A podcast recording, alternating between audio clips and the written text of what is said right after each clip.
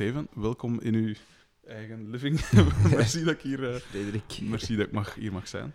Ehm, de, ik begin eigenlijk altijd met dezelfde vraag, wat dat eigenlijk een beetje onprofessioneel is, maar anderzijds, who cares? Uh, hoe zijn je begonnen met muziek in der tijd? Wel, de laatste tijd ben ik eigenlijk. Uh, ik ga dieper terug nu dan vroeger, omdat voor mij het, echte, het is eigenlijk allemaal echt begonnen als ik 21 was, had ik het gevoel, ik had iemand horen spelen in, in een café, Mondharmonica. Mm -hmm. En uh, ik vond het zo'n cool geluid dat ik de dag daarna de mondharmonica ben beginnen kopen en ben dat beginnen spelen. Mm -hmm. uh, totdat zelfs mijn broer, die naast mij op kot zat, echt uh, de kamer binnenstormde. En die zei, als je nog één noot op die mondharmonica speelt, dan klop ik die in uw keel. dus dat was echt, ja, dat, ik moet denk ik obsessief eraan begonnen zijn toen. -huh. Uh, maar eigenlijk moet ik voor, voor de correctheid van de dingen er ook wel aan toevoegen. Um, achteraf gezien. Uh, op zeker moment heb ik eens met een, een groot orkest gespeeld. Mm -hmm. En uh, mijn muziekleraar van in de middelbare school, die kwam kijken. Mm -hmm. Een heel, hele toepasselijke naam voor een muziekleraar, meneer Reemans. en uh, ik denk, ja, ik vroeg achteraf aan hem, ik zeg, is dat niet raar dat ik zo laat begonnen ben op mijn 21? En toen zei hij, ja, maar Steven, jij zat vroeger toch altijd in de blokfluitquintet, En ik was dat dus totaal vergeten. maar ja, ik kon, ik weet, de blokfluitquintet, dat was dan zo in de kerk en zo op school spelen. Ik speelde alt blokfluit. Mm.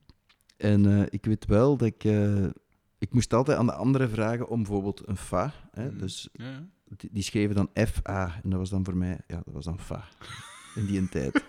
en dus ik, ik had dat echt nodig om zo uh, de noten op te schrijven, anders kon ik die niet lezen. Ik kon, kon geen noten lezen. Dus ik kan dat nu nog altijd niet eigenlijk. Maar het ding was wel zo, dat was... Dat was iets wat blijkbaar niet meer in mijn geheugen zat, maar dat ik denk dat toch ook mijn muzikaal mogelijk mm -hmm. mee heeft gevormd, want we hebben daar toch een heel aantal optredens toen mee gedaan. En wat er ook nog is, en daar heb ik pas later terug aan gedacht, dat was het volgende. Um, op een zeker moment herinnerde ik mij dat wij vroeger thuis een mondharmonica hadden liggen. Mijn moeder was uh, een kleuterleidster mm -hmm. en die had een kast met allemaal spullen van haar die wat apart lagen zo. Mm -hmm. uh, waar we eigenlijk niet mochten aanzitten. En daar zat een mondharmonica bij, zo'n chromatis met een knop. Ja, ja.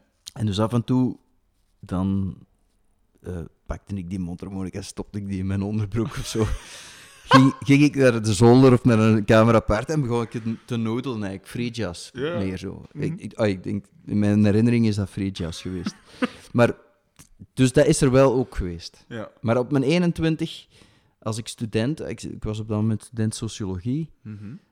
begin ik te spelen en was ik voor een stuk gebeten, maar dat is nog, nog aangescherpt geworden. Mm -hmm toen ik, ik had een beurs voor in Hull in uh, Noord-Engeland te studeren, waar dat er ongelooflijk veel live muziek is in vergelijking met Leuven.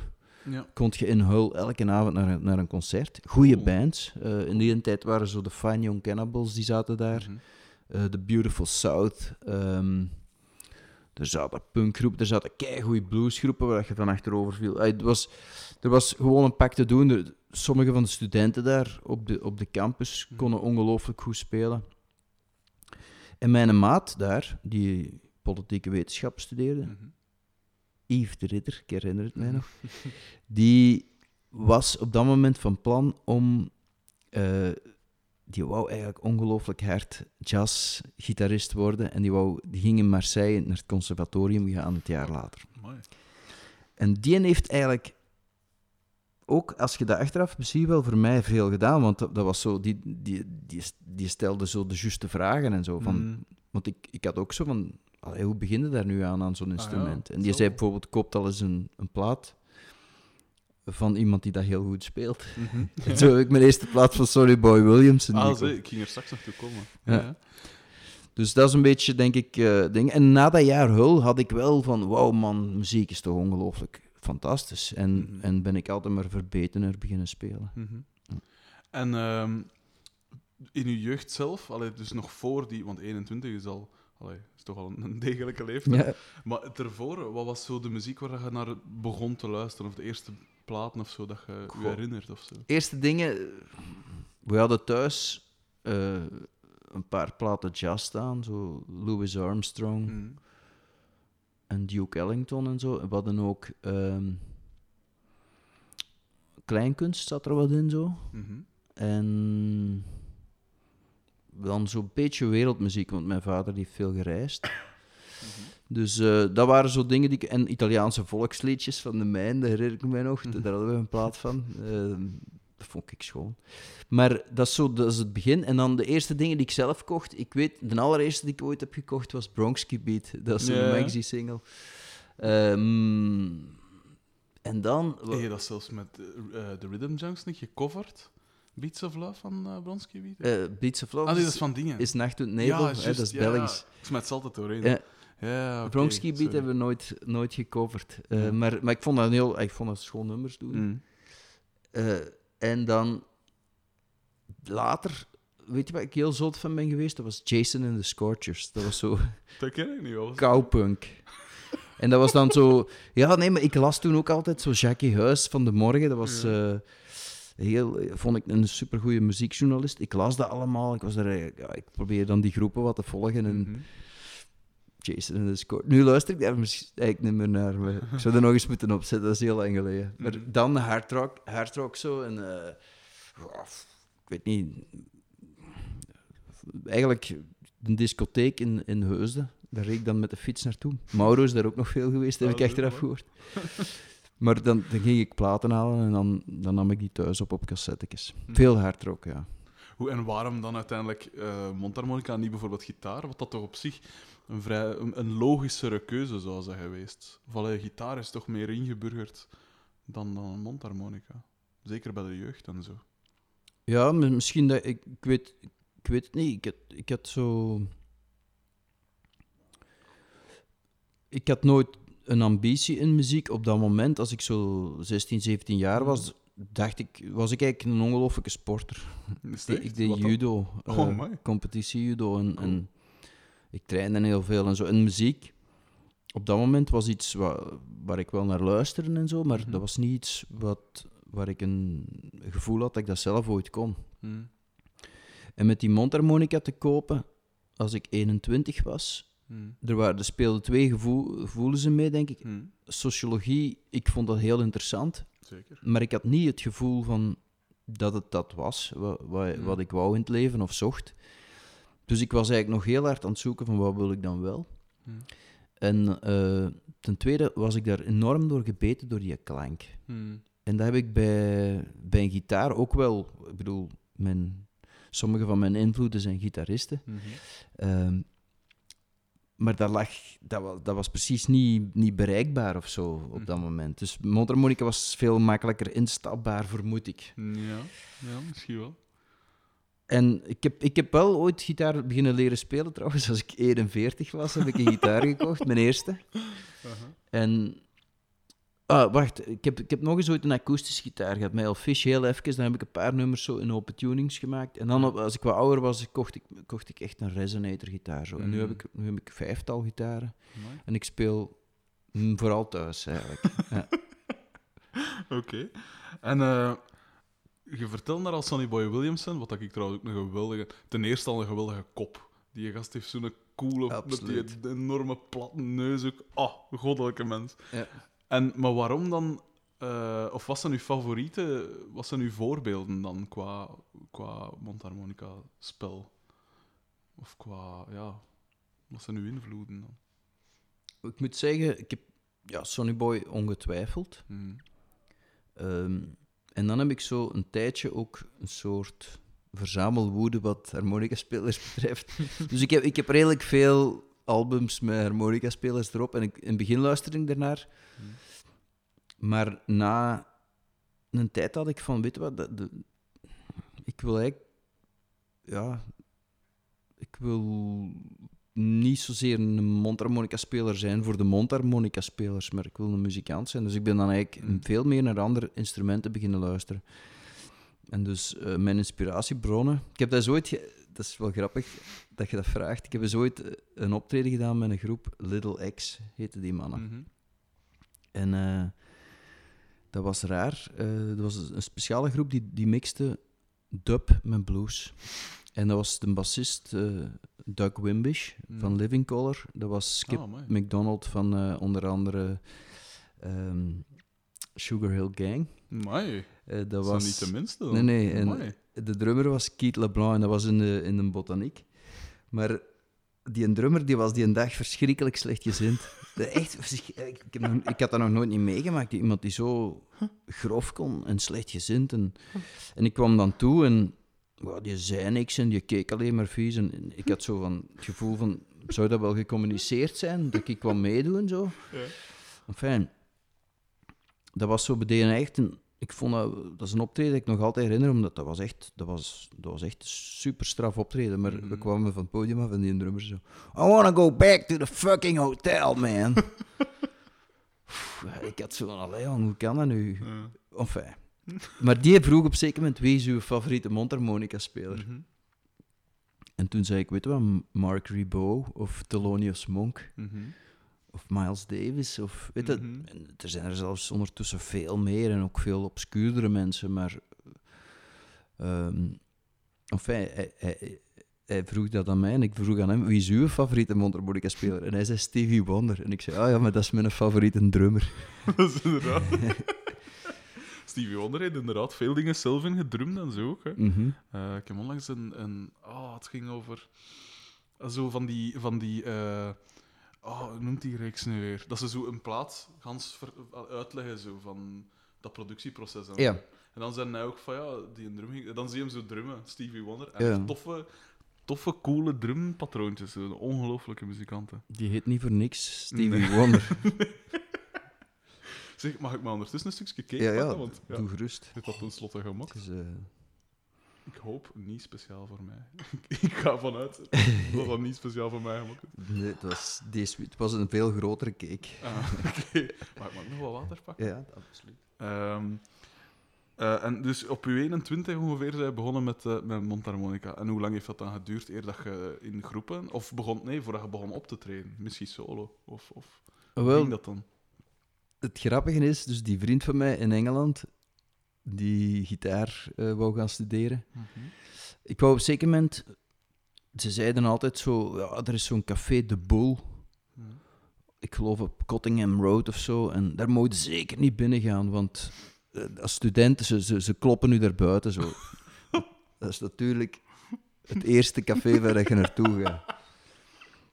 En we werden er helemaal niet buiten geklopt. Daar speelde echt een fantastische bluesgroep eigenlijk. Mhm. En die speelden daar elke week.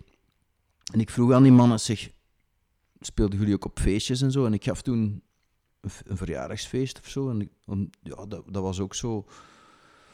Die vroegen eigenlijk helemaal niet veel. En ik had zo, van, ja, dat, had ik er wel voor over. Mhm. Dus ik wou iets speciaal. En, ehm, dus die mannen speelden op mijn verjaardagsfeest. Maar die een vriend van mij, die was naar die mannen toegestapt en had gezegd, ik moet zeker Steven vragen voor mondharmonica. En zo heb ik eigenlijk mijn eerste optreden daar met die bluesgroep gedaan.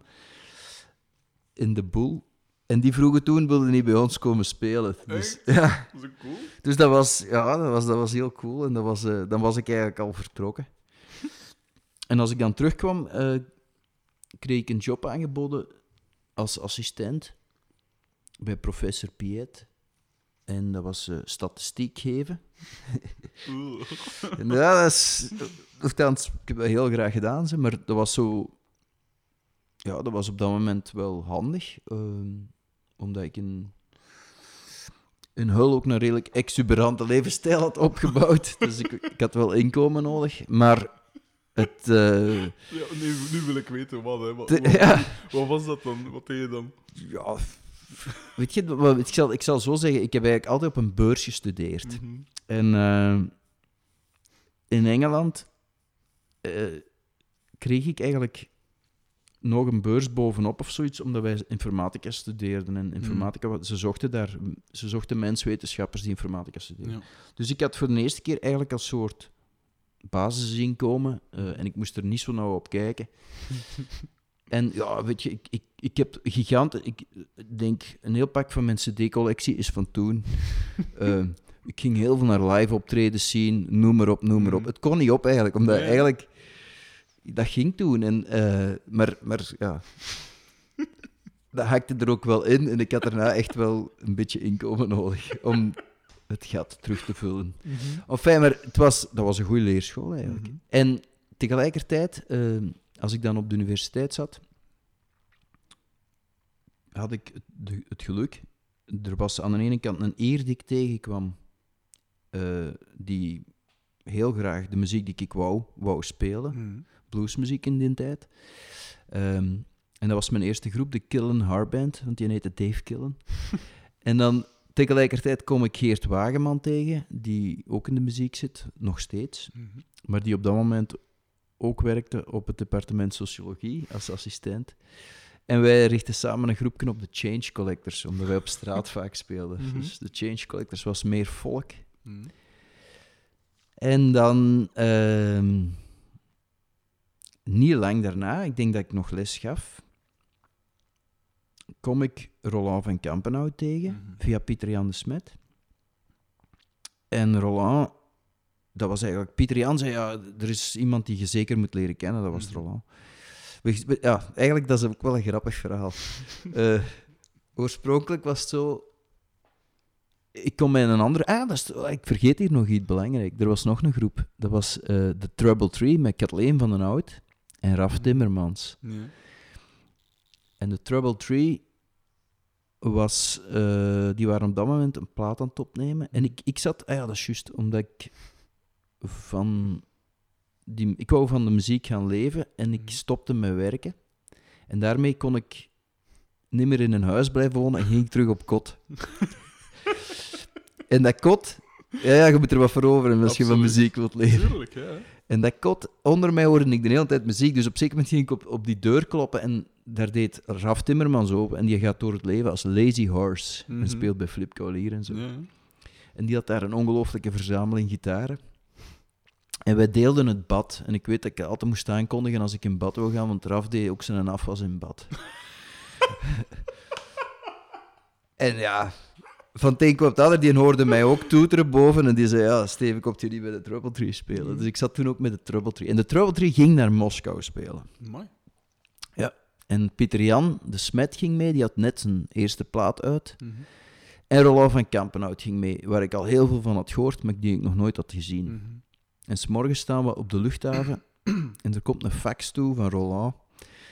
Van, jongens, good luck, maar ik heb een voorgevoel dat het vliegtuig gaat neerstorten en ik ga niet mee. De max.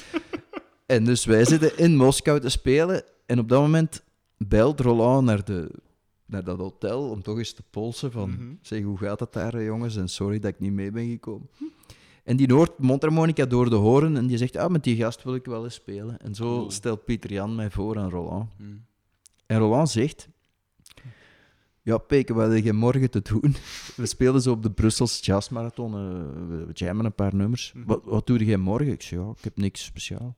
Oh, kom naar Louvain-la-Neuve, er is daar een festival, dat heet de Boogie Town. Mhm. We moeten daar ook spelen. Blijkbaar moesten wij daar de hoofdact vervangen. Oké. En dat was Big Sugar. Mhm. En ik kom dus eraan. En ja, ze zeggen, ja, maak u maar gereed en zo, want binnen een uur is, is dat optreden. Maar we zijn nog aan het wachten op Roland.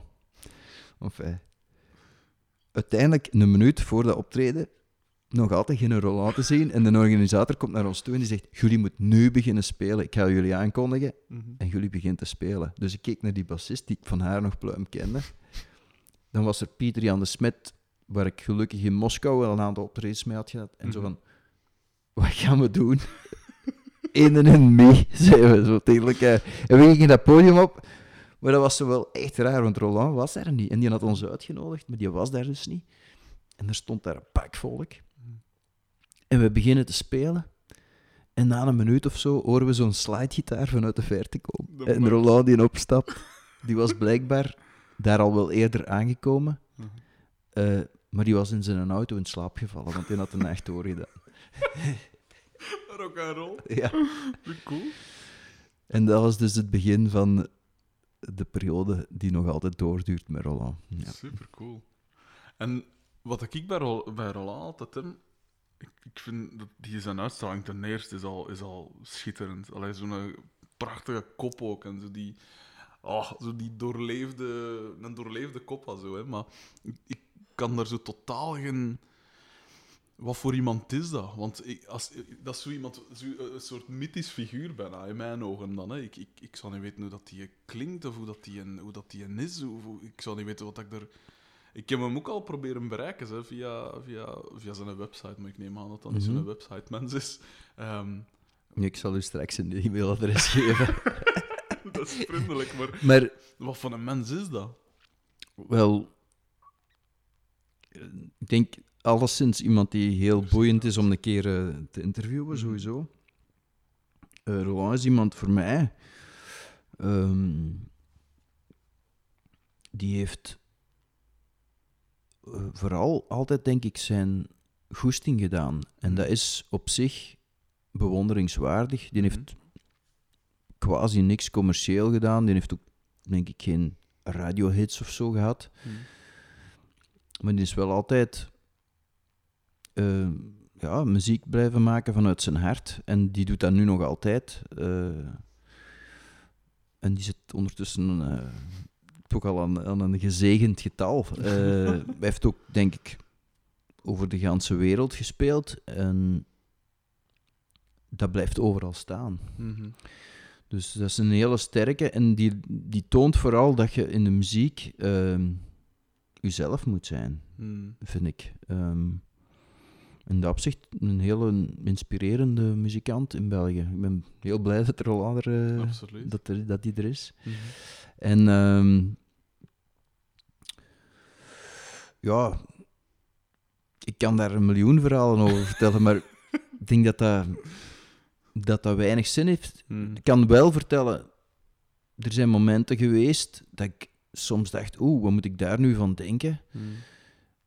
Maar eigenlijk moet ik ook zeggen, achteraf gezien, heel vaak waren die momenten inspirerend. Ik ga er maar één zeggen, er is dus Hmm. ooit...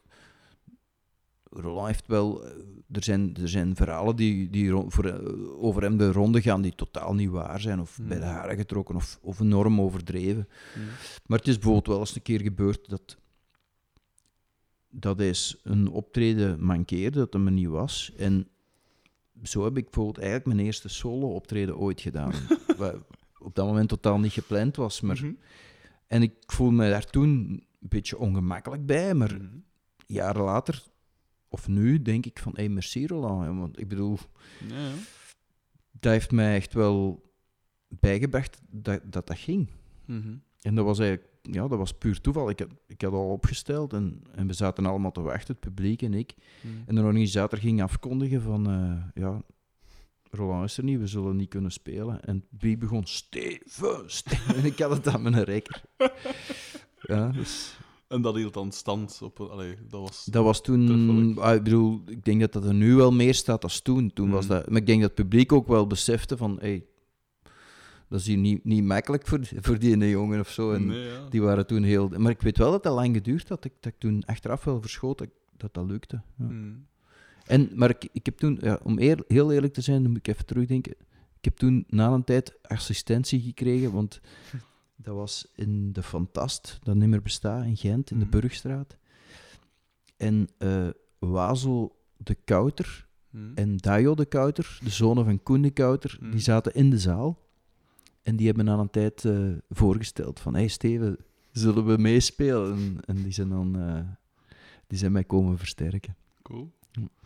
En eh, je zet dan eerst... eh, dus je hebt, je, hebt, je hebt van alles. Je hebt blues gemaakt, je hebt folk en wat is het allemaal, al die, die verschillende groepen.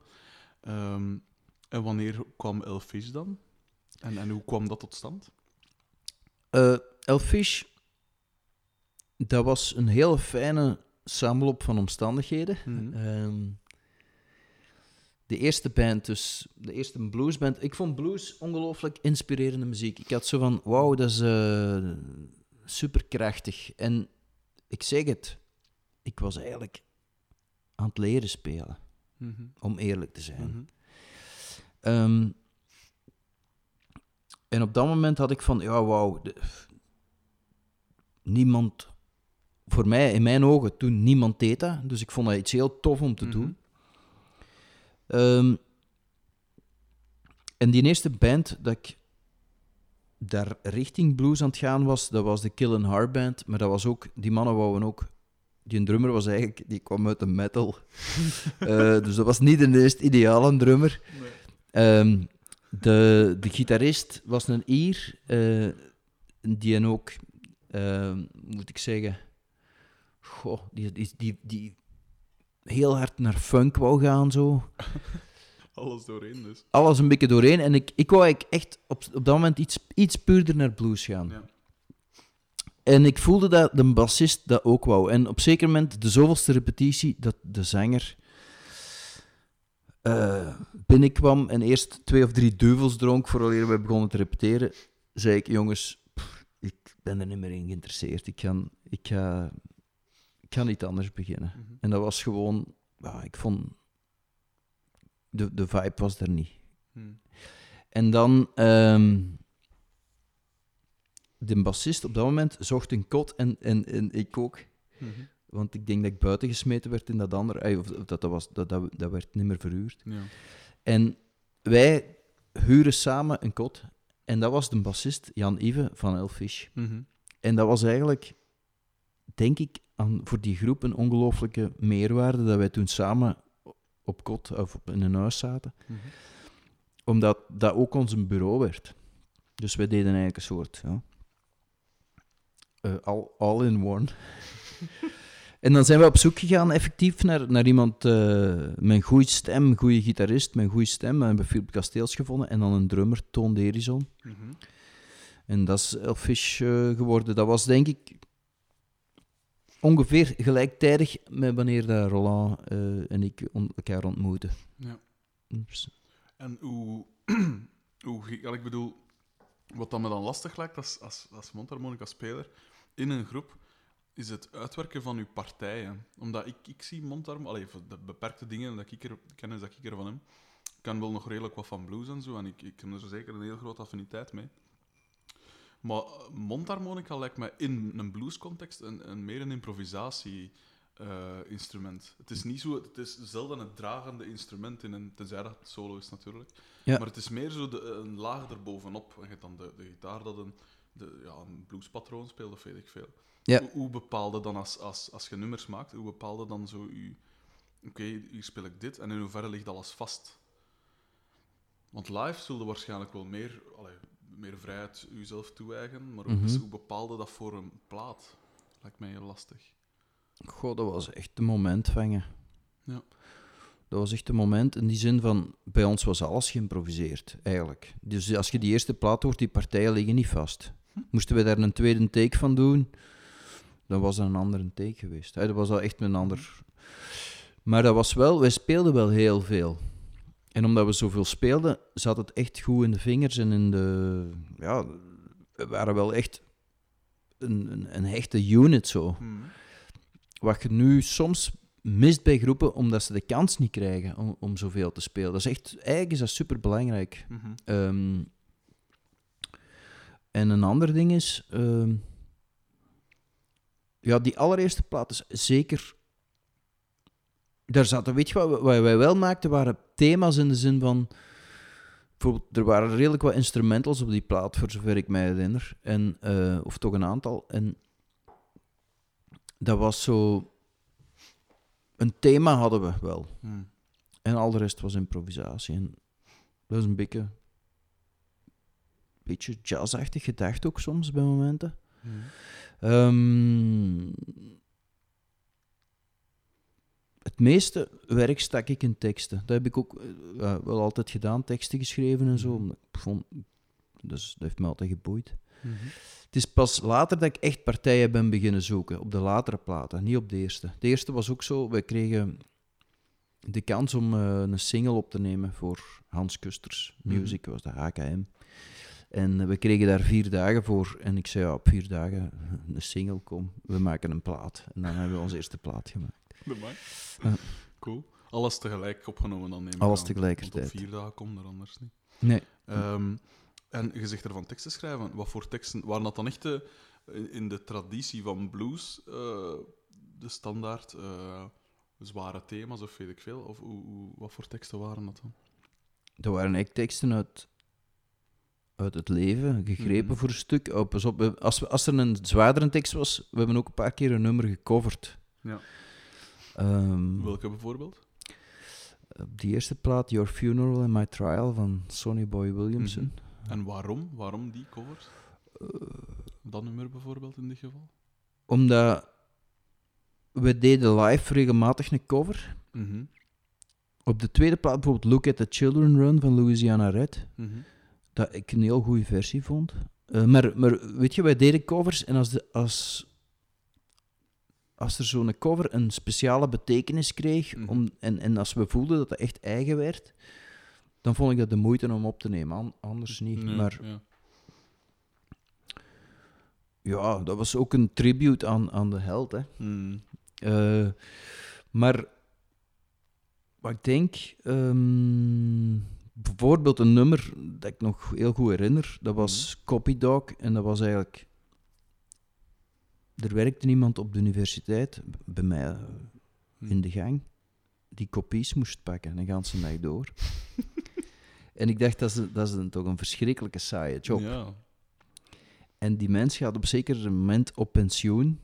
Hm. En ik weet nog goed dat er dan zo'n soort drink was en een speech. Hm. En dat ik zo dacht, man jong.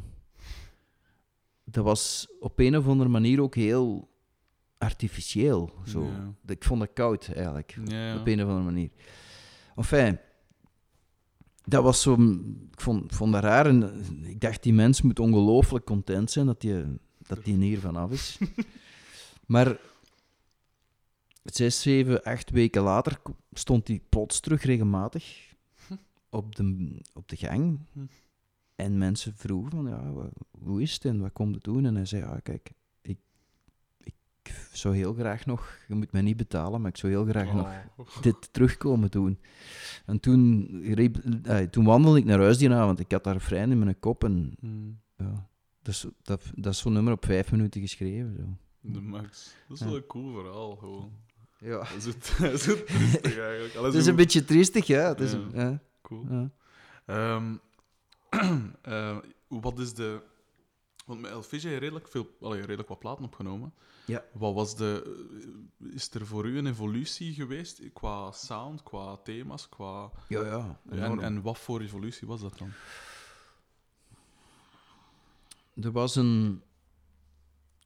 Wat goed was bij ons, was dat we gezond ambitieus waren. En daarmee bedoel ik... Dat was... Elfish was een groep... we- we- onze, onze drijf was, wij wilden muzikant zijn en we wilden ervan leven. Hm. En we wilden graag spelen en we wilden graag reizen. Ja. En dus deden we dat. Maar dat was geen, geen groep die zo had van... eh, wij moeten op Werchter staan of zo. Dat was echt onze drijfveer totaal niet. Hm. Maar wat je wel krijgt is na een tijdje, als je aan het spelen bent, dat mensen dat bijna van u gaan verwachten dat er zoiets gebeurt. Hm. En dus... ja, Dan, dan werd er zo meer vanuit een soort publiek. En mannen, wanneer is dat of was dat? En, en zo, zo gingen wij dan... naar, Ja, maar hoe moeten we dat dan doen? Hm. Ja, dus dan, dan moet je toch zorgen dat er iets op de radio komt of zo. Hm. En eh, tegelijkertijd, wat ik persoonlijk een beetje had, was blues. ehm, dat aanvankelijk de, de inspiratiebron was, Hm. werd ook een beetje een keurslijf Ja. Waar we van afwouden. Dus we wouden ja, de grenzen gaan aftasten ervan. Mhm. En dat zijn wij beginnen doen. Eh, en dat is aanvankelijk ook gelukt. En dat is tegelijkertijd, denk ik, ook onze, onze dood geweest. Hmm. Eh, in die zin dat misschien niet iedereen daar even ver in wou gaan. Hm. Maar dat, dat is, ja... Achteraf is dat allemaal makkelijk uit te leggen, maar op, de- op het moment zelf overkomt u dat. Hmm. Nu, wat, wat ik denk... De, bij ons is er, is verschillende, ai, er zijn verschillende dingen gebeurd. Ik denk ook, we waren heel veel de baan op, waardoor dat je eigenlijk... eh, ja, je ziet je groepsleden meer dan dat, dat je je partner ziet en zo. En dat, dat maakt wel... Dat geeft een druk. Zeker. Het feit dat ook bij ons... Weet je, wij stonden zo... We konden mogelijk, denk ik, doorbreken, maar dat, dat gebeurde ook net niet. Hmm. Dus dat gaf ook een soort druk. Mhm. En dan persoonlijk, op persoonlijk vlak is er bij mij iets gebeurd eh, wat wel heel heavy was in die periode. Dat was, eh, je zit dan zoveel aan het spelen, noem maar op. En mm, dat moment, mijn moeder, de dag dat ik 30 jaar werd, is zij verongelukt. Oh. Eh, en dat was, ja, ook, weet je, het feit dat je, je zijt al veel op de baan en zo, Mm. en dat gebeurt ook op de baan. En dat was, in haar geval, ze reed 3000 kilometer per jaar, bijna, bijna niks. Ja. Maar dat was voor mij wel, eh, dat kwam hard aan. Dat, wa- dat was zoiets van wauw. En ik denk, dan hebben wij een heel donkere plaat gemaakt. En die donkerte, dat was misschien, ja, toch, dat was vooral mijn donkerte, vermoed ik. En Hmm. dat was misschien voor die mannen, voor de andere jongens ook wel heel zwaar. Mhm. Dus, en dan, dat, dat, dat week ook meer en meer af van blues. Want ik begon dan in open tuning-achtige ge- nummers te maken, anders. Hmm. En ik, was, ik begon zo te zoeken. En ik vond, op dat moment had ik, vond ik dat ik een paar van die nummers zelf moest zingen. Omdat ik had van, ja, die zijn zo persoonlijk. Dat, Hmm. Ja, en dat was... Plots waren we helemaal niet meer dat lichte bluesgroepje, zo frivol, noem maar op. Dat, dat, dat, dat werd, ja, dat, werd, dat werd zwaarder. En dat werd ook naar elkaar toe wat zwaarder. Hmm. En dat heeft misschien ook wel eh, tegelijkertijd... Ja, heeft misschien ook voor een stuk doen stoppen. Ja. Maar we hebben nooit officieel gestopt. Daarmee hebben we een paar jaar geleden nog eens een reunie gedaan. Mhm. En we zijn ondertussen wel met iedereen ook bevriend, wat, wat ik een wonder vind in die, in die dingen. Dus ja, Zeker. en Philippe Casteels komt nu meedoen als we, als we tien jaar de Rhythm Junks vieren. Cool. Dus ja, dat is eigenlijk, als we achteraf terug... Weet je, het schoonste compliment vond ik overlaatst van onze drummer, onze eerste drummer, Mhm. Van Elfish. Eh, die zijn een tijd geleden van... Dat ze hem vroegen, wat zijn uw jobervaringen? Want hij wou een nieuwe job gaan doen. Mhm. En hij zei wel, mijn eerste jobervaring was al Fish. Om de manier waarop daar alles werd aangepakt, Mhm. dat was echt wel heel straf zijn. En dat was zo... Ja, dat was toch heel organisch en heel Mhm. gewoon ons eigen ding. En dat, dat, dat, dat, vind, hou ik ervan over. Ja. Eh, en op een gegeven moment is bij Elfish is Roland ook om een gitaar eh, spelen. Als, Ja. ik, als ik er wel ingelicht ben. Ja, nee, dat klopt. Op een zeker moment, Philippe, die, eh, die is op zeker moment weggegaan bij ons, eh, omdat hij vond op dat moment, hij had hem een beetje van, ik wil mijn eigen ding gaan doen. Hm. Hij wou meer terug puurder blues, wat ik 100% snap en zo. Hm. Ehm, en, en ik wou op dat moment eigenlijk juist wel weggaan van blues, dus daar hadden we een frictiepunt. En, maar dat kwam bij Flip door ook een persoonlijke situatie nogal plots, Hmm. waardoor dat, dat was voor ons volledig onverwacht. En toen, op dat moment, had ik van, ik zat echt met de handen in mijn haren, we moesten een, een ganse tournee annuleren. En ik dacht zo, wat ga ik volgend jaar doen, weet je, zo... Mhm. En op zeker moment had ik pasta gemaakt voor de Roland, die kwam op bezoek. En ik denk dat ik zei van, ja, ik weet niet wat ik volgend jaar ga doen. En toen zei Roland, ik, ik wil jullie altijd wel depaneren. En wij jaar samen, samen gespeeld. Ja, zo simpel was Zo het. simpel kan het zijn. Hè? Ja. Ehm, waarom eigenlijk blues? Oké, ja, je zegt het geluid van een mondharmonica sprak je wel nagaan. En dan zijn er natuurlijk niet zo heel veel genres dan nog, allee, dat echt, waar dat mondharmonica veel in voorkomt. Maar wat spreekt u zo aan in blues? Wat er mij aanspreekt in blues is dat het... ehm, dat is een muziek die een ongelooflijke kracht heeft. Een helende kracht. ehm, inspirerend. Hm. Dat gaat over het leven. Dat is geen gezwans. Weet je, ik vind een popmuziek... Ik hou wel van popmuziek. Hm. Maar daar is het zo vaak... Hoe vager dat je zei, hoe, hoe interessanter dat de teksten worden. Maar in Hmm. blues is het vaak... Hoe concreter dat ze zijn, hoe interessanter of Ja. pakkender dat ze worden. Ja. Dus een bluesman verstopt zich niet Hm. achter iets. Die, die is wel recht toe, recht aan. En dat, dat vond ik vond ik daar eigenlijk in het begin heel tof aan. En nog altijd. Mhm. Een tweede ding vind ik dat dat gaat over vrijheid. Eh, dat is eigenlijk eh, wereldwijd een volk dat zoekt naar vrijheid. Die spelen de blues. Mhm. En jaren later heb ik de echte betekenis ook nog eens ontdekt door Bob Mhm. die ook zot was van blues. En Bob Brosman zei, kijk, je hebt twee soorten muziek, zegt hem. Je hebt de muziek van de overwinnaars. Mhm. En dat is eigenlijk ten tijde van Duitsland eh, was dat de marsen en zo. Maar hij Mhm. zegt eigenlijk in de hedendaagse muziek, Britney Spears of zo, Een succesvolle... dat is, dat is even ja. erg. Ik ga trouwens heel snel een mondharmonica pakken voor, Oh, dat, maar, voor ja. dat eigenlijk te illustreren. Ja, ja, tuurlijk, doe maar. Dus,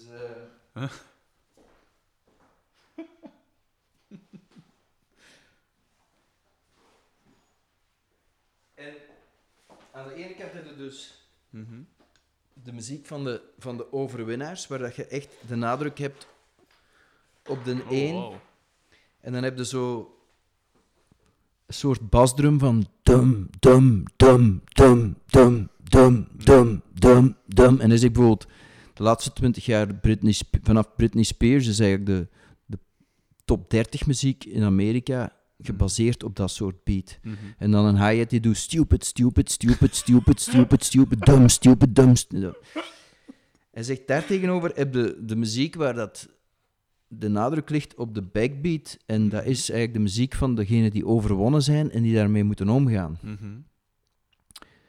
En dat denk ik persoonlijk wel, dat ik meer in dat soort muziek ben Mhm. geïnteresseerd. En Bob Brosman ook. En ja, dat is eigenlijk een beetje de basis van de blues. Dus je hebt dat met mondharmonica gewijs, heb je eigenlijk, het eerste zou zo zijn, de mondharmonica was eigenlijk ontworpen om, en dat heet ook Marine Band bijvoorbeeld, Mhm. en was ontworpen om zo...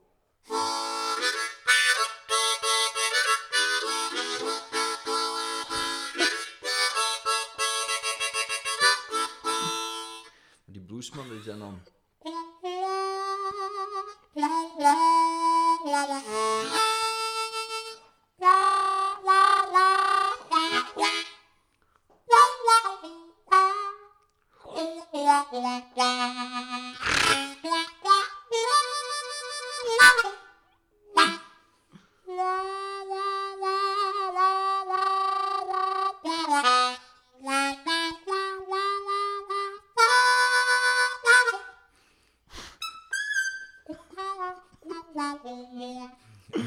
Zijn dan... En zo verder en zo voort. Ik bedoel, blues is, is vertellen. Mm. Hè? Dat is muzikaal vertellen. En dat is...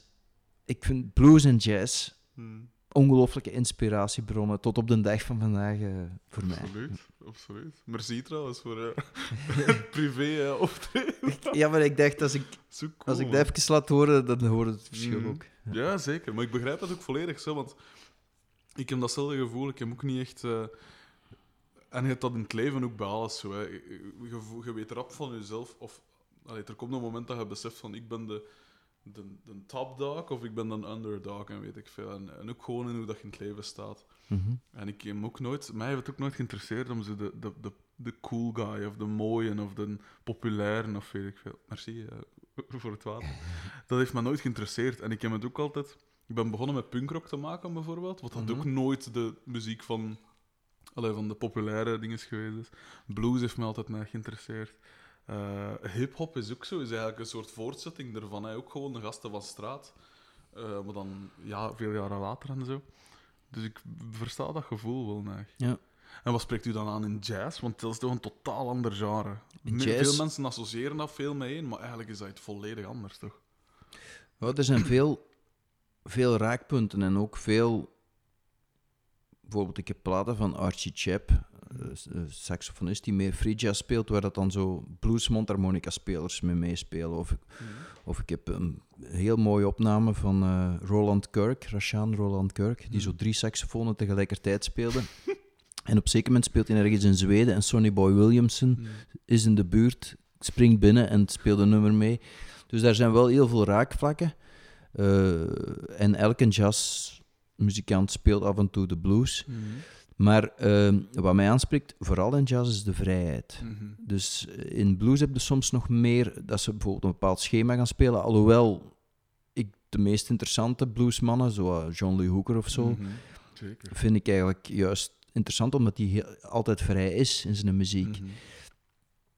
Eh, maar, maar jazz ademt vrijheid uit voor mij. En, en het is dat soort jazz ook dat mij het meest in- interesseert. Mhm.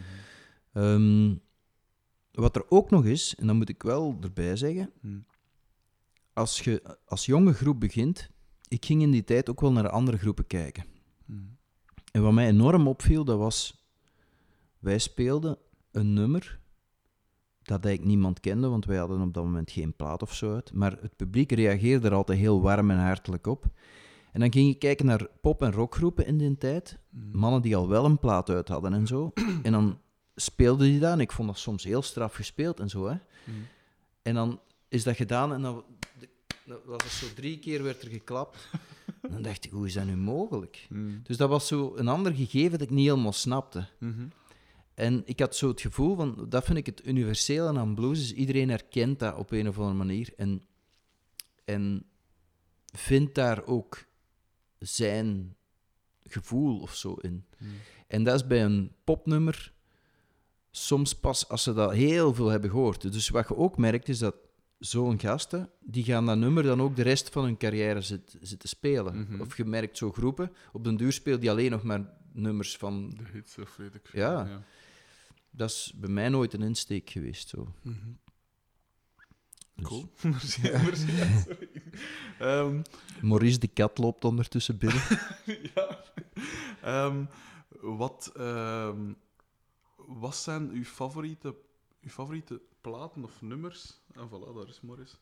Ehm, wat zijn uw favoriete platen? Of platen dat iemand dat nu geïnteresseerd is in blues of in mondharmonica zeker zou moeten checken of leren kennen?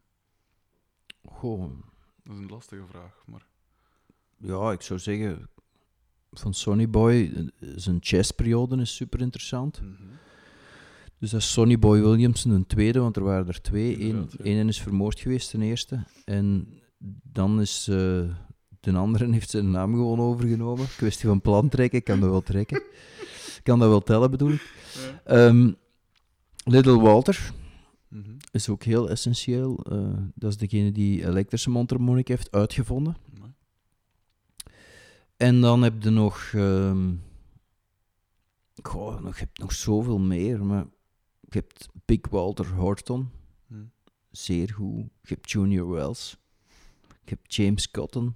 Je hebt Carrie Bell. Mhm.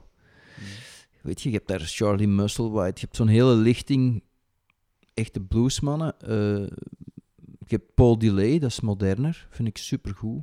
Mhm. Eh. Hier is Maurice, die profiteert om op de tafel te klimmen. Zolang dat niet op die laptop begint te kruipen is het goed. Ja, dat durft hij wel, hè. Oh. maar dan moet hem een duw geven. Ja. Maar, ehm, ja... De kat schurkt zich tegen de laptop aan. Uh-huh. Maar ehm, ja, moet ik zeggen, er zijn ook moderner spelers. Maar ik, ik heb na een tijd echt veel meer naar bijvoorbeeld eh, in de blues dan Junior Watson gaan luisteren. Dat is een gitarist. Eh, Otis Spann, dat is een pianist. Eh, weet je, Booker T. Dat is Hammond. En, en, zo'n instru- instrumenten inspireerden mij eigenlijk, moet ik zeggen, zeker even, even hard dan, dan de mondharmonica. Mhm. En ehm, wat is dan... Wat, dat, wat dat mij... Allee, dat is langs de ene kant een domme vraag. En ik, ook, ik ga ze proberen het slim te formuleren. Maar ik ben een gitaarspeler, hoorde... v- Of ben een heel goede gita gitarist bijvoorbeeld, hoorde ehm, een eigen stijl, een eigen klank, weet ik veel. Maar hoe zit dat bij een mondharmonica-speler? Omdat het, het instrument is heel... Ja, het is heel basic, en dat bedoel ik niet slecht, maar het is heel recht toe recht aan. Hoe, hoe ver kunnen daarin gaan met, qua eigen stijl? Ehm, oh, ik denk heel ver. In, in de zin van de meeste mondharmonica-spelers die uiteindelijk eh, daar hun beroep van kunnen maken, hebben, hebben een eigen stijl ontwikkeld. Mhm. En die haalt je er ook altijd uit. Zoals Little Walter, die haalt je uit de duizenden of Zelfs Toet Stillemans ook, die heeft ook een heel specifieke stijl. Stevie Mhm. Wonder, eh, je haalt ze eruit. En ik denk dat dat nodig is. Ehm, Tuurlijk. maar hoe dat je dat ontwikkelt, is net zoals bij eender welk instrument. eh, werken en werken en werken. en, en, en op zoek gaan naar je eigen stem. Hmm. En daardoor mocht je ook niet te hard en te lang naar één en dezelfde persoon luisteren, want dan op den duur daar ook nooit meer vanaf. Ja. Eh, je, je, hebt hem, je hebt hem nu al aangehaald. Eh, Als je in België mondharmonica zegt, dan komt dat automatisch uit bij Toet Stielemans. Ja. Hoe belangrijk is hij geweest in je leven? Qua, ik zeg nu maar iets, qua stijl, qua voorbeeld, qua... Om te even wadden. Heb je hem ooit ontmoet? Ik heb hem verschillende keren ontmoet. Ja. Ja. Eh, En hoe ging dat dan? Wat, voor iemand is dat? dat is een ongelooflijke warme persoon.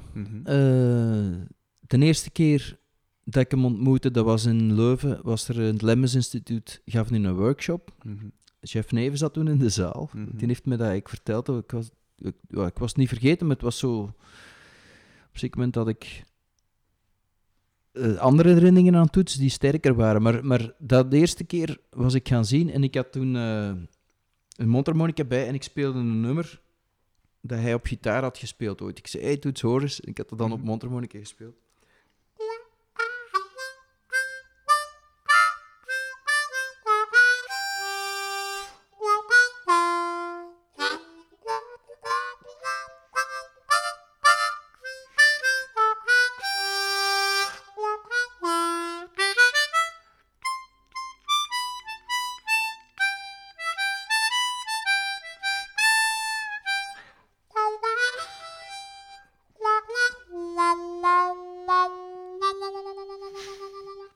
Toenderklompen. Super cool. Ja, dat was als ik jong was, een tekenfilm op tv, dus eh, ik vond dat heel plezant. En Toets, die hoorde dat en die zei, "Eh, kom Jan, we gaan dat samen spelen. En die, heeft toen, die speelde dan gitaar en ik speelde mondharmonica. Cool. Een paar maanden later hadden wij eens een dubbel interview, de nieuwe generatie mondharmonica, en toen was hem totaal vergeten wie ik was, wat ik ook snap op die leeftijd. hè. Die was op dat moment al een flink stuk in de 70. Mhm. Maar we zijn elkaar nog een aantal keer tegengekomen en altijd, eh, we hebben er zelfs een aantal keer gejamd backstage. Ehm, Mhm. dat is... Wat ik tof vond, op een zeker moment vroeg ik aan, aan hem... Ik zeg, Toets, eh, ik ben een jonge muzikant. eh, wat kan ik leren? Ik bedoel, Mhm. heb je heb je een tip? En het eerste wat hem zei is, leert u solfège, manneke. maar daarna hoor ik dan... Want toevallig de drummer van de Rhythm Junks tegenwoordig heeft ook met Toets gespeeld in de tijd, Mhm. Tony Gijsling. En Tony zei, ja, maar Toets, die kende zelf niet al te veel solfège. Dus dat is... eh. Of hij, een paar jaar later zei ik hem opnieuw en ik zeg, Toets, heb je nu nog een ander advies in plaats van leert? en toen zei hij, never believe in a standing ovation, zei. Mhm. Ik speel elke morgen, zei hij. Als ik opsta, speel ik. En ik moet zeggen, dat is... eh, ik zeg nu niet als ik opsta dat ik direct speel. Iedereen heeft zijn eigen routine, maar ik probeer ook wel elke dag te spelen. Mhm.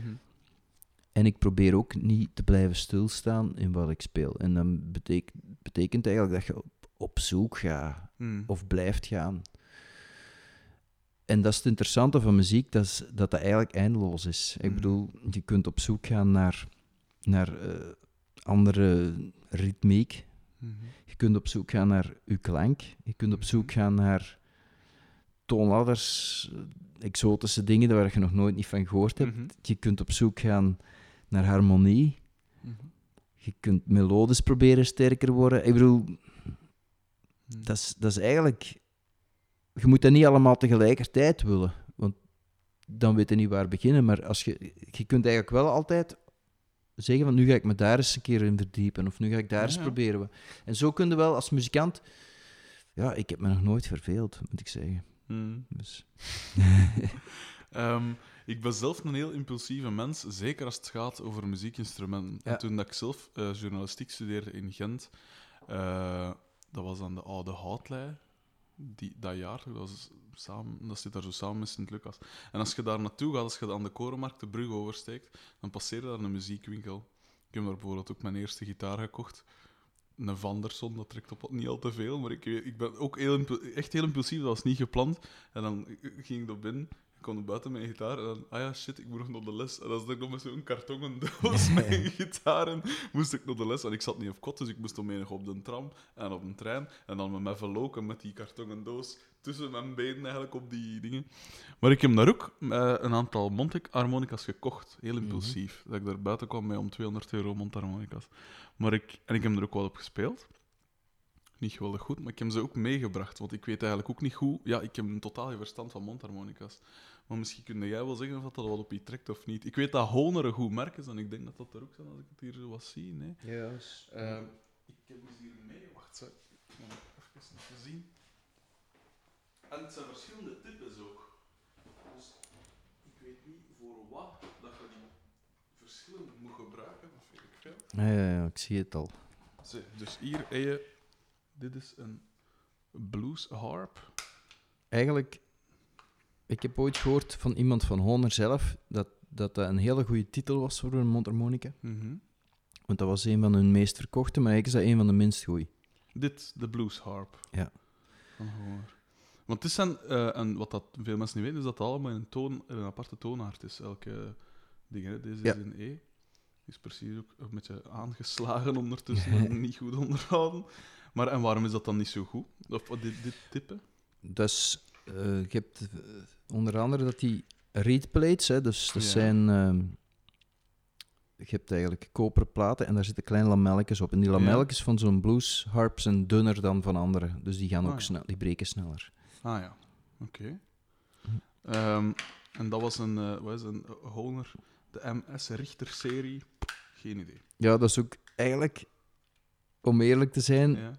In der tijd, MS was zo.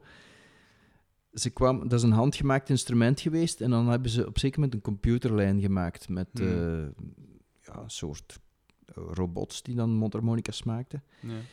En die waren verschrikkelijk slecht eigenlijk. ja. In Ja. de zin van, die zijn dus met de hand, eh, konden ze die afstellen en zijn die luchtdicht. Mhm. En dus wat is er gebeurd? Dat is Hm. wel interessant, hè? Ja, dat Dus ja.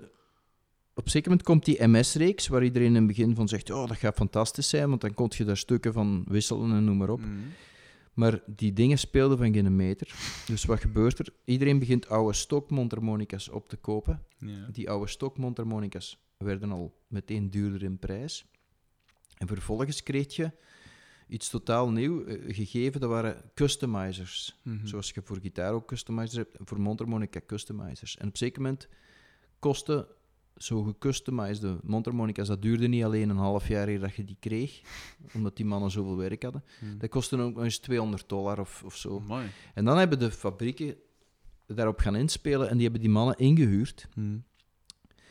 En die zijn zo customizers beginnen te werk stellen en gezegd van hoe kunnen wij onze topline Mhm. harmonica's gaan verbeteren. Mhm. Die hebben dat gedaan. En dus eigenlijk als je tegenwoordig een Marine Man crossover of een Rocket koopt, Mhm. heb je eigenlijk, ja, eigenlijk een- voor, voor de prijs van 50 euro heb je nu eigenlijk iets wat een paar jaar daarvoor 200 euro bij een customizer kost. Ja. En dat is even goed. Ah, ja. Ja. Ehm, dit is natuurlijk dit is iets vrij simpel. Dit was 28 euro, dat is nu niet, niet geweldig eh, duur. Maar gelijk deze twee dat ik hier heb, dat is een Honor Chrometta 12. Ja, dat is tof. Dat is iets goed. Dat is iets goed. Ja, dat is eigenlijk goed. Dat is een basismodel, chromatische, maar dat is wel een waar je toffe dingen kunt op doen. Ja, en dat is met zo'n eh, Een slide. een slide. En wat doet dat dan precies voor de, voor de leken? Wat, wat, wat- Wel, het verschil tussen een, een, een, een gewone Ja, en een chromatische. ja. Ik ga even chromatische erbij pakken. Mhm. Dus die slide, daar kun je dus je tonen mee verhogen. Ja.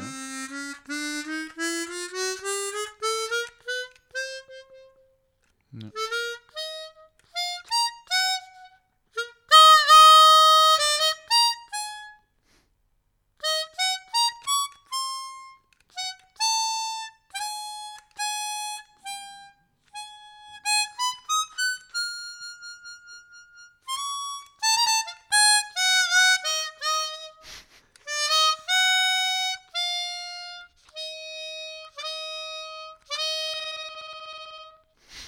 Dat is dus eh chromatische mondharmonica. ja. Kunt daar ook zo.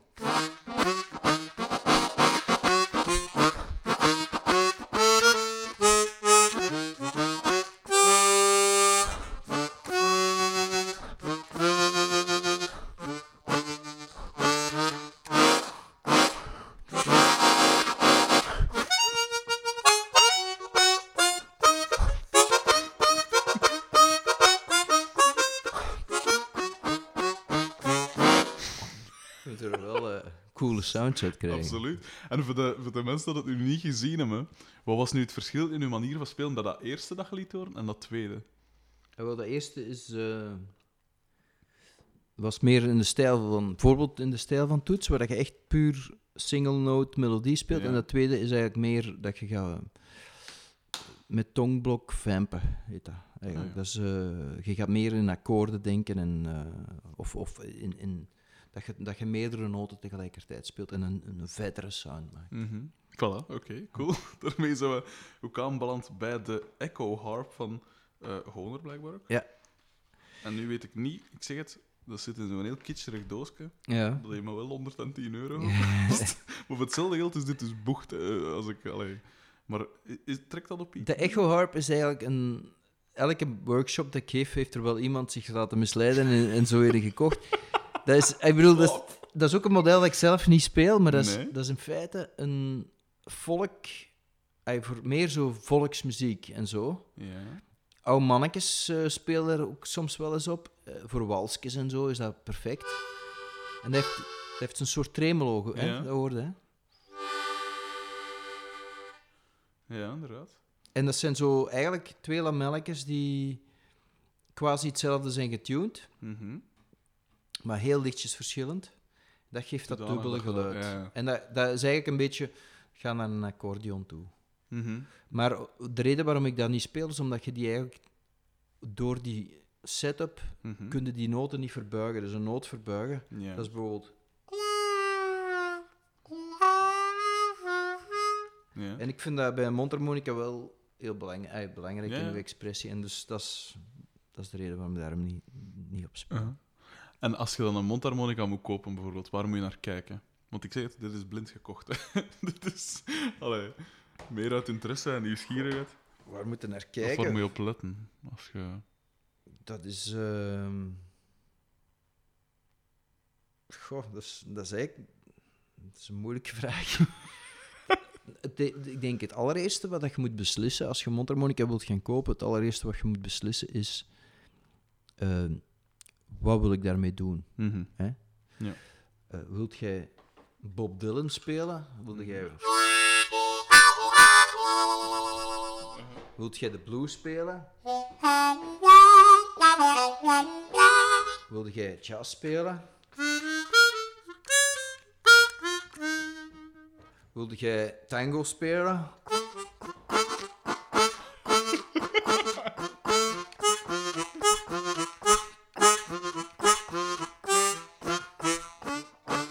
Is allemaal een andere manier en dat is allemaal een andere mondharmonica. Maar in het geval van bijvoorbeeld dat je meer folk of, of Bob Dylan-achtige of blues wilt doen, is het een diatonische mondharmonica. Mhm. Dus een ten-hole noemen ze dat, of een, eh een smoelschuif, of een tin sandwich, een noeneke, hè. Eh, bekschaaf, zeggen ze in Nederland. Dat is de, een diatonische mondharmonica, dus die heb je in verschillende toonaarden, in Mhm. alle twaalf. Ja. En je kunt, eh, kunt daar ook heel veel verschillende. Hm? Hier, Maurice, moeit zich. je kunt daar dus ook eh, ja, je kunt daar verschillende toonaarden op spelen. Mm. Ehm, ondanks het feit dat dat in een toonaard staat, maar je Mhm. kunt er wel een achttal toonaarden op spelen. Mhm. Ehm, sommige zelfs twaalf, want er zijn er die. Dat, je hebt daar ook een techniek overblow, waardoor dat je een noot in het harmonische gaat blazen. Mhm. En dan, eh, als je die ook nog allemaal mastert, dan kun je eigenlijk je kunt in feite alle twaalf toonaarden spelen. Mhm. Eh, maar, en dan heb je de, de, de chromatische mondharmonica, dat is degene met een schuif, die je een beetje hoort zo. En die schuif, die verhoogt elke noot een halve toon. En daar kun je zo de typische... Of...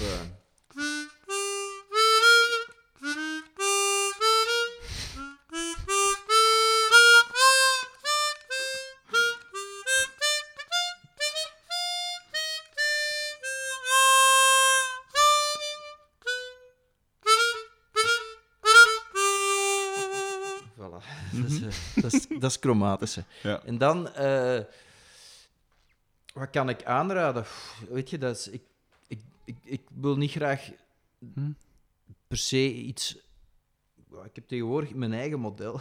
Echt? Dat is cool. een, de Honor Rocket wel. Uh-huh. Dat is, eh, die is heel goed. De, de, de Marine Man Crossover is goed. Op gebied van chromatische. Ja. De CX12 is goed. Hier de Super 64X. Dat is dan zo een met een laag octaaf erbij. Met die diepe noten. Dat is ook goed. Mhm. Eh, maar er is, er is nog zoveel me- meer dan dat. Eh, Mhm. Ik bedoel, dat is een beetje aan iedereen persoonlijk, denk ik, om, om zijn eigen Mhm. weg te gaan. Je moet... Een mondharmonica hoeft niet duur te zijn, hè. Nee. Dus, dus maar, maar het is soms wel zin om, eh, om een beetje eentje te kopen die, die, die wel wat kwaliteit heeft. Ja. Eh, en we zijn nu nog niet, we hebben het nog niet, of niet zo heel veel gehad over de rhythm junks dan. Hoe is eh Elfish is dan eh, gestopt doordat, ja, door verschillende omstandigheden. Ja. Mensen dat andere dingen wouden doen waarschijnlijk en dan de stijl dan meer zo aansprak. En, Mhm. en hoe zij dan begon en hoeveel tijd zat er tussen, de rhythm eh, tussen eh, Elfish en de rhythm junks. En hoe is dat ontstaan dan? Eigenlijk is eh, na het jaar waarin dat Roland een jaar met Elfish meespeelde, Mhm. En dat we ook nog een plaat hebben gemaakt samen. ehm, had Roland andere plannen. Die, die ging op dat moment twee of drie verschillende dingen doen. Ik weet niet meer exact wat het was, maar hij ging alleszins andere projecten doen. En op een zeker moment, eh, ik was dan eigenlijk een beetje aan het zoeken naar een nieuwe vorm. En we, we hebben, denk ik, twee of drie optredens zelfs gedaan als trio. Mhm. Maar dat, dat voelde toch aan als een soort gemis. We misten echt wat. Dat was mondharmonica en bas en drum. En dat Mhm. voelde aan als een gemis. Dat is eigenlijk de, de huidige bezetting van de Rhythm Junks Mhm. trouwens. Ehm, en wat is er dan gebeurd? Op dat moment doet Roland een tournee met Dirk Roofdhoofd. En die Mhm. vraagt mij erbij en Tony Gijslink, Jan Ive, dus de bassist van, El, eh, van Elfish nog. Mhm. Eh, ik denk dat dat was. En daarin zijn wij, hebben we elkaar gevonden. Dus Tony, dat klikte ongelooflijk. Dat was echt zo... Ja, dat is een mega goede drummer. Die heeft 13 jaar bij het VRT Jazz Orkest gespeeld. Ehm, big band gespeeld. Eh, maar hij heeft ook, ook totaal andere dingen. De Pebbles, eh, met toets, met... Ik denk... Ja, die heeft een cv van hier tot in in Tokio, eigenlijk, bij wijze van spreken. Heeft... Dus dat was een met ongelooflijke metier en dat klikte. En Mhm. Roland en Dirk die bleven vaak, die gingen dan niet drinken of zo, en die kwamen wel later op een soundcheck toe. En wij waren eigenlijk hoe langer hoe eerder aan het afspreken van, hey, zullen we niet een uur vroeger, want dan kunnen we wel. En tegen dat die een tournee gedaan was, hadden we eigenlijk al bijna een eerste plaat klaar met, de, Cool. met wat dan later de Rhythm Junks zou gaan heten. Mhm. Ehm, en daarin is het zo dat vrij snel Jan het gevoel had, Jan Ive, die, had, die, die zei van, kijk Steven, dit is niet helemaal mijn ding. In de zin van, ehm, voor mij was dat aanvankelijk, de, het, project Rhythm Junks was eerst eigenlijk een soort, eh, hoe moet ik dat zeggen, Eh, uw basis zoeken, uw Mhm. akkoorden Ja, en zo zoeken met blazers. Dus dat was een soort... Waardoor het een beetje projectmatig bleef. Mhm. Ehm, en Jan had op een zeker moment van... Die zei, kijk, ik, ga, ik zou ook toch meer naar blues willen gaan. Ik zou Mhm. meer... Dat is meer mijn ding. En ik, ik vind dat deze er te ver van afwijkt. En toevallig, op het moment dat hij dat beslist, eh, zit Jasper Houtenkiet in de zaal te kijken naar een optreden. En die heeft, wauw, dit, als ik, als ik muziek wil spelen, dan is dit wel het soort groep dat ik zou willen, willen inspelen. En ja, we zijn dan op zoek gegaan naar een bassist en dan hebben we redelijk snel Jasper gevonden. En Mhm. vanaf dan is de, is de groep eigenlijk, heeft hij meer, ja, meer zo'n, zo'n definitieve vorm gevonden. Mhm. En wat is voor de, voor de, de mensen dat, dat de twee groepen niet kennen, wat is het, het grote verschil tussen Rhythm Junks en eh Elfish qua klank of qua sound? Of... Ja, Elfish was eigenlijk, laten we zeggen, een moderne bluesgroep. Ehm, aanvankelijk waren we zelfs redelijk traditioneel, maar dat is, dat is Mhm. niet lang gebleven. dat is redelijk snel modern geworden. We hebben ook op Pukkelpop gespeeld en zo. En eh, Cool. Dat sloeg daar echt aan, dus dat was wel een heel, heel coole groep. Ehm, en de Rhythm Junks is meer voor mij, eh, waar er was, ik wou geen enkel label meer hebben. Mhm. Ik wou niet een bluesgroep of een jazzgroep of een popgroep. Mhm. Er is ook een plaat van ons die heet Pop-Off, bijvoorbeeld. Dat was echt zo van, ja, Ja. het, alles, alles kan en alles mag. Dus de- dat is een speeltuin. En ehm, we hebben wel op een zeker moment, drie jaar geleden, gezegd van kijk, we gaan eh, proberen als trio verder te gaan. In die zin dat we met de blazers als ehm akkoorden sessie eigenlijk, dat we merkten dat dat toch een soort beperking had, vooral naar vrijheid Mhm. die ik wel zocht. Eh, want dat was een basissectie van in het begin vier en la- later drie man. En die zochten wel een soort van... Ja, die moesten toch een houvast hebben. Mhm. En dat maakte dat je dan weer ergens ingesnoerd werd. hè, Ja, ja. Dus, eh, en aan de andere kant, wij wouden ook wel echt meer en meer beginnen toeren, wat we ondertussen gedaan hebben. We hebben twee keer China getoerd. Amai. we gaan nu voor de derde keer naar Japan terug. We hebben naar Kenia geweest. We hebben ja, Roemenië, Italië, Polen, Mhm. Duitsland, Zwitserland, weet je, noem maar op. Ja. En we wouden dat echt gaan doen. En dat werd hoe langer met zo'n grote groep wel een enorme Hmm. moeilijke onderneming. We Ja. zijn ook nooit gesubsidieerd geweest of zo. We hebben dat nooit, ja, wel, wel voor een plaat misschien, maar ik, ik wou dat echt ja, allemaal puur houden. Mhm. En dan was het zo van, misschien dat we dat met drie makkelijker kunnen. En dus eigenlijk, wij zijn nu een beetje in de dingen waar, Elfish op het einde was, maar misschien op een of andere manier ehm, dat, dat nu, dat we meer de rijpheid hebben en zo voor dat te doen. Mhm. En eh, je zegt, je bent er overal. Allee, hebt in, eh, de derde keer Japan, twee keer China, eh, noem maar op, Kenia. Wat zijn, dan van die, wat zijn dan van die rare dingen dat je daar meegemaakt hebt? Of dingen dat je je altijd gaat herinneren aan dat soort tours? Want je speelde een, een, heel specifiek... Of allee, het is niet gewoon de zoveelste rockgroep dat daar komt optreden, of de zoveelste popgroep, of weet ik veel. Dus kan ik me ook voorstellen dat de mensen dat je daar tegenkomt, of de dingen dat je daar meemaakt, dat die ook niet zo standaard, standaard eh tourverhaal dingen zijn. Zijn er van die dingen dat je altijd gaat, eh, je, gaat herinneren? Ja, zonder veel. namen te noemen. goh. Weet je wat? Dat... In China was bijvoorbeeld, dat was echt heel grappig, Hmm. ook wel, in die zin van dat dat... Op het moment dat wij de eerste keer daar naartoe gingen, was 2008, denk ik. Mm. En ik denk dat die, dat die nu al veel beter zijn uitgerust, want dat gaat daar ongelooflijk snel vooruit. Mm. Maar wij werden toen gevraagd door iemand die in Londen naar Sonny Rollins wou, wou gaan kijken. Ja. En die kwam toevallig terecht. Die ging eten bij een vriend van mij die een Chinese vriendin heeft. En die onze cd liet horen aan hem. Mhm. En zo kwamen we eigenlijk terecht op het grootste Chinese jazzfestival. en dat is dan in Jian-park, eh, dat is het centrum van Shanghai. 6000 man. Mm. Ehm, wat daar speciaal was, dat was bijvoorbeeld, je komt daartoe en ondanks het feit dat er heel veel volk is, zijn daar heel veel dingen niet goed aangepakt. Zoals? Zoals dat podium was niet verankerd. en vlak voor de optreden breekt er een storm uit. Ah, ja. En wij zitten backstage en we zien dat podium letterlijk een meter, twee meter opschuiven. we, van, we zijn hier niet veilig, we moeten weggaan. Dus wij, gaan naar, wij gingen weg. Ik, ik zag ook van, het gaat niet goed komen, want op een zeker moment beginnen die mannen met grote buizen van 20 meter beginnen die het water van het podium af te duwen, omdat Ja. dat ook te zwaar begon te wegen. Ah, ja. En dus viel er zo in één keer zo, weet je, 20, 25 liter water ja. in de monitortafel. Zo. Oh, fuck. Ja, dat was zo van...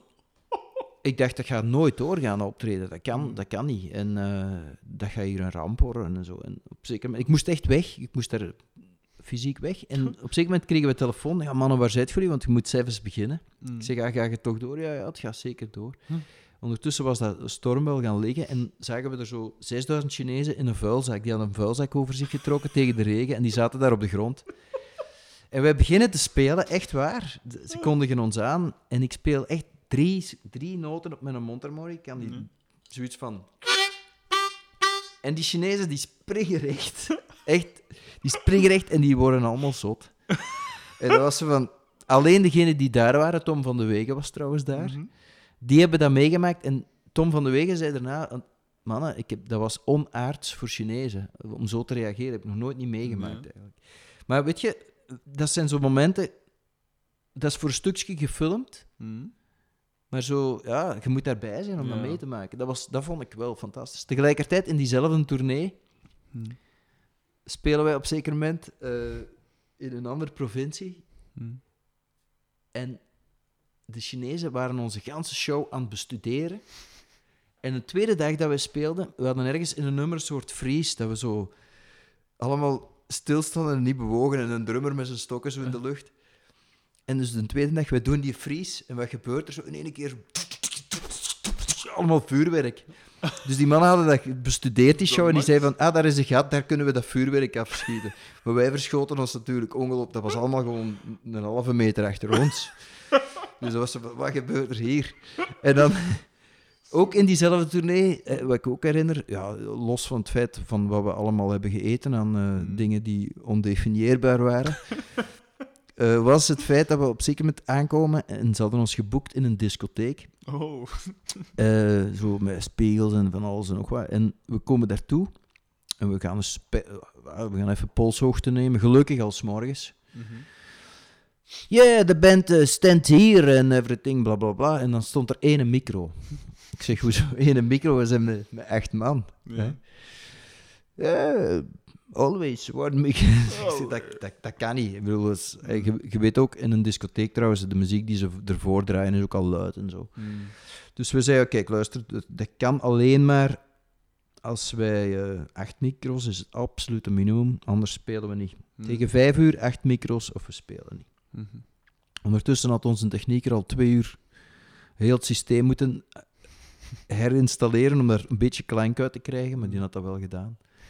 En wij gingen wandelen in de stad en om, we kregen om vijf uur of zo telefoon. Yeah, yeah, we found the mics. Zo. Dus wij gingen terug.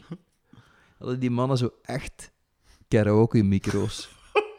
Met een ingebouwde galm en zo. Zo'n micro's van vijf frank die je bij een Indiër of zo koopt. En ik zweer u, we hebben opgetreden met echt karaoke-micro's. We hebben dat gedaan. Uh-huh. We hebben ons eigen niet gehoord. Altijd gemakkelijk. Dat, die, waren zo, dat, die waren zo aan het roepen en aan, het- aan het gillen en dingen. Mm. Allee, Maar we hebben wel gespeeld alsof ons leven ervan afhing. En Mhm. ja, dat, was, dat zijn zo dingen die je nooit Ja, meer voilà, ja. En in Afrika, hoe was dat daar dan? Oh, dat was ook wel... eh, dat was ook super, eigenlijk. Ehm, Mm. eh, dat was eh, het eerste jazzfestival van Kenia. Eh, ze hadden al wel jazzfestivals, maar nog nooit internationaal. En Mm. ja, we hadden daar een beetje geluk mee, want ze hadden eigenlijk iemand gevraagd die daar al geweest was. Dat was chef Neven. En die kon niet, die was niet vrij. En op een of andere manier eh, waren ze bij ons terechtgekomen en zijn wij, eh, zijn wij kunnen gaan spelen. Dat was super fijn georganiseerd. Echt. ehm,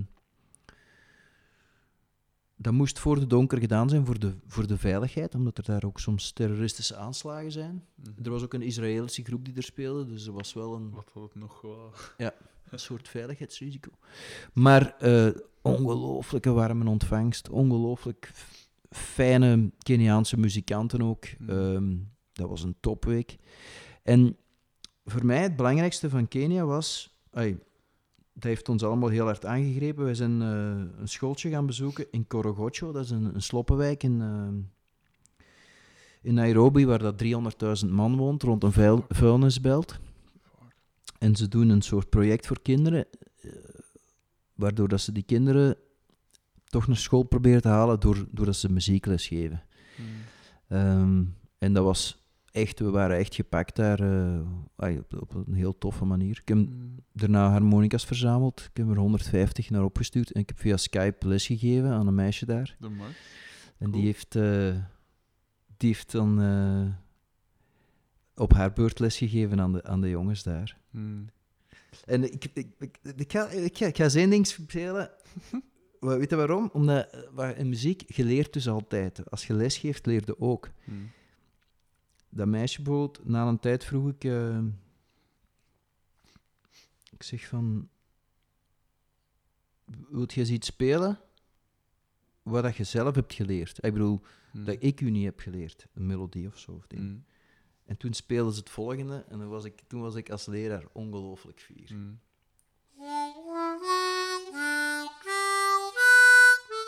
De